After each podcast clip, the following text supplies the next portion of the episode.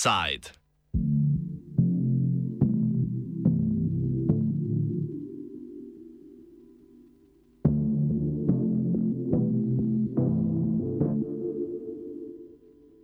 Koliko stane toplota?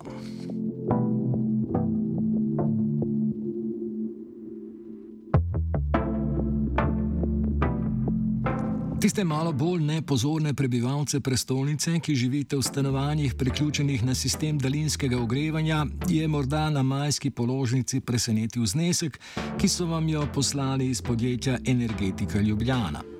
Z mesecem aprilom je namreč v veljavo stopil nov cenik toplotne energije, ki je prinesel približno 35 odstotno povišanje cen. Konkretneje, iz približno 37 na skoraj 50 evrov na megavatno uro.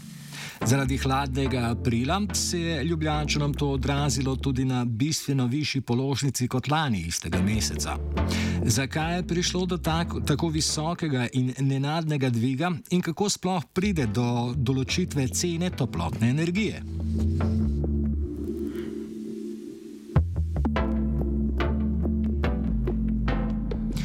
V Sloveniji je po podatkih Agencije za energijo sistem daljinskega ogrevanja vzpostavljen v 51 občinah, pri čemer je, na, pri čemer je največji delež v mestih.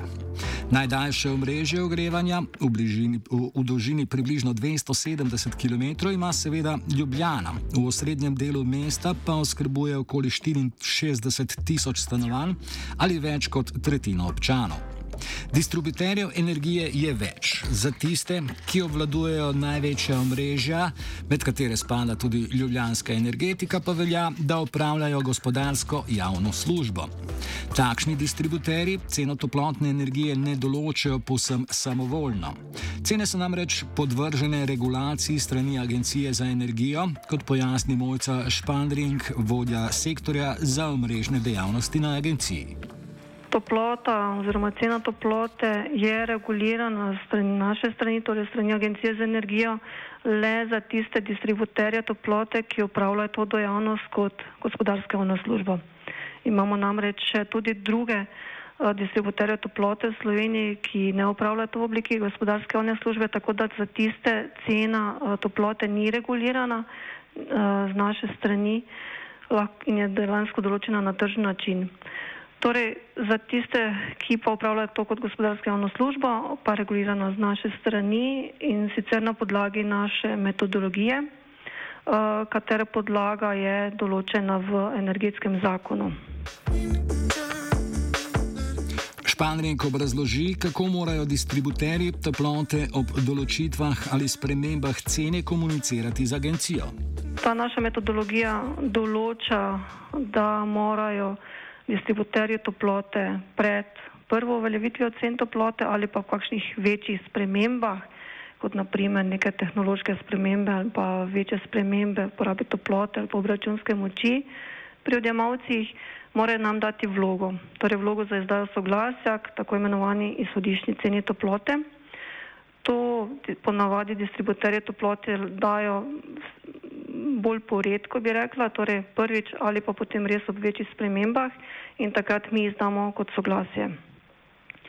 Poleg tega pa distributerji toplote lahko uh, uveljavljajo spremembo cene toplote, uh, kar skozi obvestilo, ki ga predajo nam po naprej določenih obrazcih.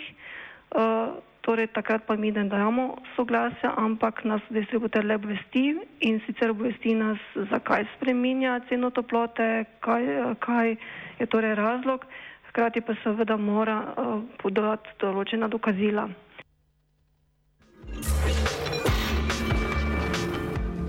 Poleg distributerjev, ki opravljajo gospodarsko javno službo, pa torej obstajajo tudi tržni distributerji, ki so ponavadi manjši. Cene pa določajo po tržni logiki oziroma z odjemalci sklepajo pogodbe.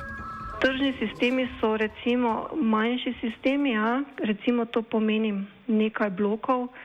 Uh, torej, seveda, ponavadi je to manj odjemalcem in tam tam distributer toplote na nek pogodbeni način ja, upravlja to dejavnost in dobavlja toploto odjemalcem. Tam, ker pa imamo gospodarsko javno službo, to so pa večji sistemi, uh, in odjema, ker je zelo veliko odjemalcev in ker imamo noter tudi predvsem gospodinske odjemalce, morajo imeti ti odjemalci ceno toplote regulirano uh, strani nekoga, v našem primeru se strani agencije. Kljub regulaciji cen je do podražitve prišlo razmeroma hitro. Pri, Primoš Škerl, namestnik tehničnega direktorja energetike Ljubljana, pojasni, da je bila podražitev posledica izrazitega povišanja tako imenovanega variabilnega dela cene toplote. Podražitev je enostavno posledica sprememb oziroma precejšnjih dvigov cen energentov in pa emisijskih kuponov za oglikov dioksid. Naša cena je sestavljena iz fiksnega in pa variabilnega dela in energenti ter kuponi emisijski vplivajo na ceno variabilnega dela. Dejansko so cene v zadnjem letu se dvignile, naprimer cene zemljskega plina za 200 odstotkov, cene ogličnih kuponov pa za 100 odstotkov, tako da smo bili prisiljeni tudi mi v spremembo cen. Variabilni del cene toplote je torej sestavljen iz cen energentov, kot sta zemljski plin ali premog, ter emisijskih oziroma ogličnih kuponov. Mojca Španring pojasni, katere stroške zajema drugi, fiksni del cene toplote.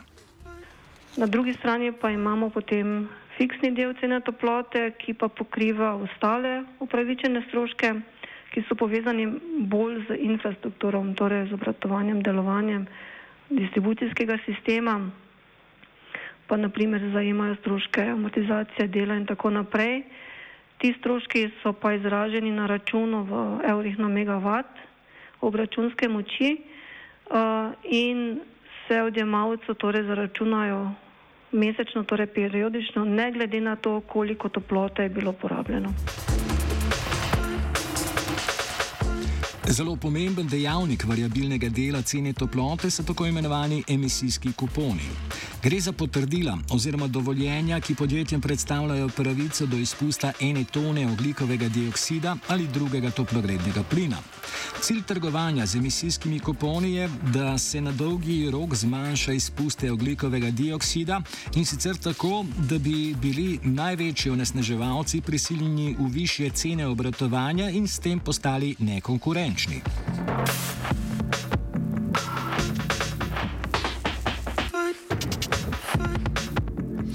Cena emisijskih kuponov je na evropskih borzah v prvi polovici letošnjega leta narasla za dvakrat in presega 50 evrov na tono oglikovega dioksida. Ukolikor se bo ta trend nadaljeval, se bo variabilni del cene toplote še povečeval. Kot pove Španring, na agenciji emisijske kupone vidijo kot upravičen razlog za spremembo cene toplotne energije. Posebej zato, ker podjetja nimajo več toliko možnosti odkupa brezplačnih emisijskih kuponov, kot so jih imela v preteklosti. Ja, emisijski kuponi so sestavni del upravičenih stroškov, torej stroškov, ki jih mi priznamo distributerju in ki so seveda upravičeni eh, in se lahko odrazijo v ceni toplote. V skladu z našo metodologijo emisijski kuponi uh, sestavljajo variabilni del stroškov in se torej odrazijo v variabilnem modelu cena toplote in se torej seveda prenesajo v ceno toplote, ki jo plača končni odjemalec. In ja, vsi vemo, da se na tem področju uh, dogajajo velike spremembe cene emisijskih kuponov, grejo gor. Poleg tega je pa treba vedeti, da podjetja nimajo več toliko brezplačno prevzetih emisijskih kuponov, kot so jih imela mogoče v preteklosti. Tako da v preteklosti je bilo tega stroška manj tudi na račun brezplačno prevzetih emisijskih kuponov, ki se zdaj zmanjšujejo. Kakšen vpliv pa ima dvig cene emisijskih kuponov na znesek, ki ga plača odjemalec?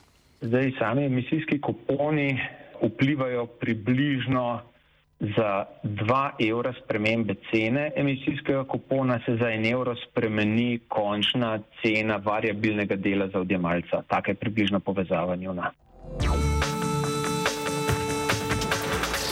Kljub podražitvi je Ljubljana pri cenah daljinskega ogrevanja še vedno med najugodnejšimi mesti v Sloveniji. Najnižje cene sicer veljajo za območje Velenja zaradi bližine termoelektrarne Šoštan, ki pa je v zadnjih letih prav tako povečala, povečala ceno dobave toplotne energije. Škerl pojasni, koliko na letni ravni plača povprečen odjemalec v Ljubljani. Povprečna cena ogrevanja mi temu rečemo nekega tipičnega stanovanja velikosti približno 70 kvadratnih metrov, na letni ravni znaša okrog 450 evrov. Od tega je 300 evrov variabilnega dela in pa 150 evrov fiksnega dela. Tem, da je treba razumeti, da je to cena za neko povprečno zimo. Letošnja vemo, da se kar vleče in vleče in še zdaj se ljudje ogrevajo. In pa za neko povprečno stanovanje. Se pravi, če je stanovanje dobro izolirano, seveda porabi manj, če je slabše izolirano, porabi pa več. Odvisno je tudi od navad samih stanovalcev.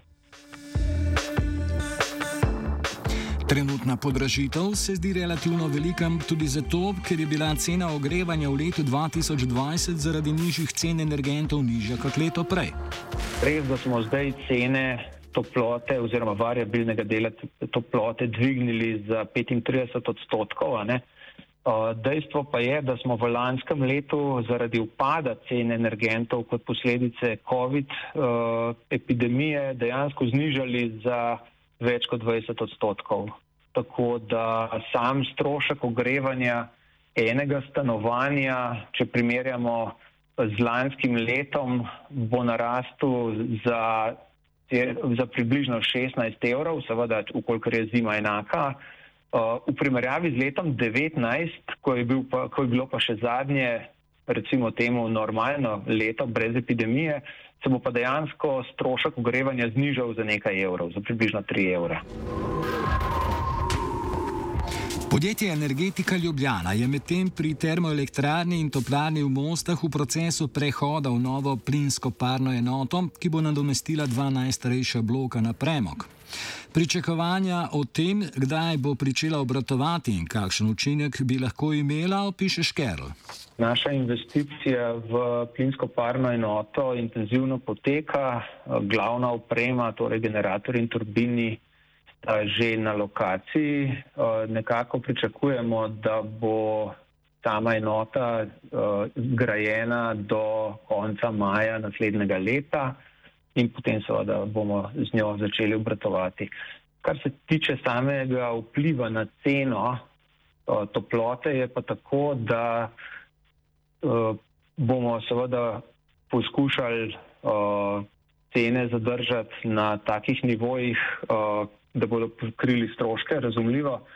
Uh, je pa seveda odvisno, kakšne bodo cene zemljskega plina in pogličnih kuponov takrat. Po drugi strani se moramo pa tudi zavedati, da novejši objekti imajo više fiksne stroške od že obstoječih amortiziranih objektov, zato ker moramo pač si povrniti investicijo nazaj. Zem. Za gradnjo nove enote so se pri energetiki Ljubljana odločili tudi na stari lokaciji toplarne v Šiški. Njen namen bo bolj učinkovito izkoriščanje zemljskega plina za električno energijo ter tehnološko paro, od katere bodo imeli korist sosedje v industrijski coni Šiška. Začenjamo z novo investicijo tudi na lokaciji Šiška in sicer v novo plinsko turbino. Dejansko gre za zamenjavo obstoječe plinske turbine, ki obratuje že 23 let in je zato iztrošena. Njena osnovna naloga pa je, da seveda ta turbina je precej manjša od tiste v mostah. Se pravi, če ima moščanska moč čez 100 MW, ima ta moč 7,5 MW, se pravi, bistveno manjša. Njen ključen namen pa je uh, čim bolj učinkovito izkoriščanje primarnega energenta zemljskega plina, in zato iz njega proizvajamo tako električno energijo kot tehnološko paro za bližne odjemalce tehnološke. Kot veste, enota Šiška pozicionirana v industrijski coni. Glede na prihajajoče toplejše dni se z visokimi položnicami za daljinsko ogrevanje najbrž nekaj časa ne bomo ukvarjali. Jih pa lahko vidimo v kontekstu okoljske politike, v skladu s katero naj bi Slovenija po smernicah Pariškega podnebnega sporazuma postopno opustila premog.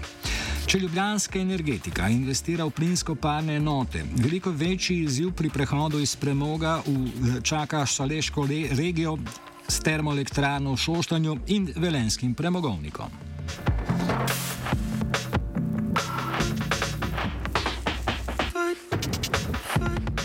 Offset je pripravil plaskan.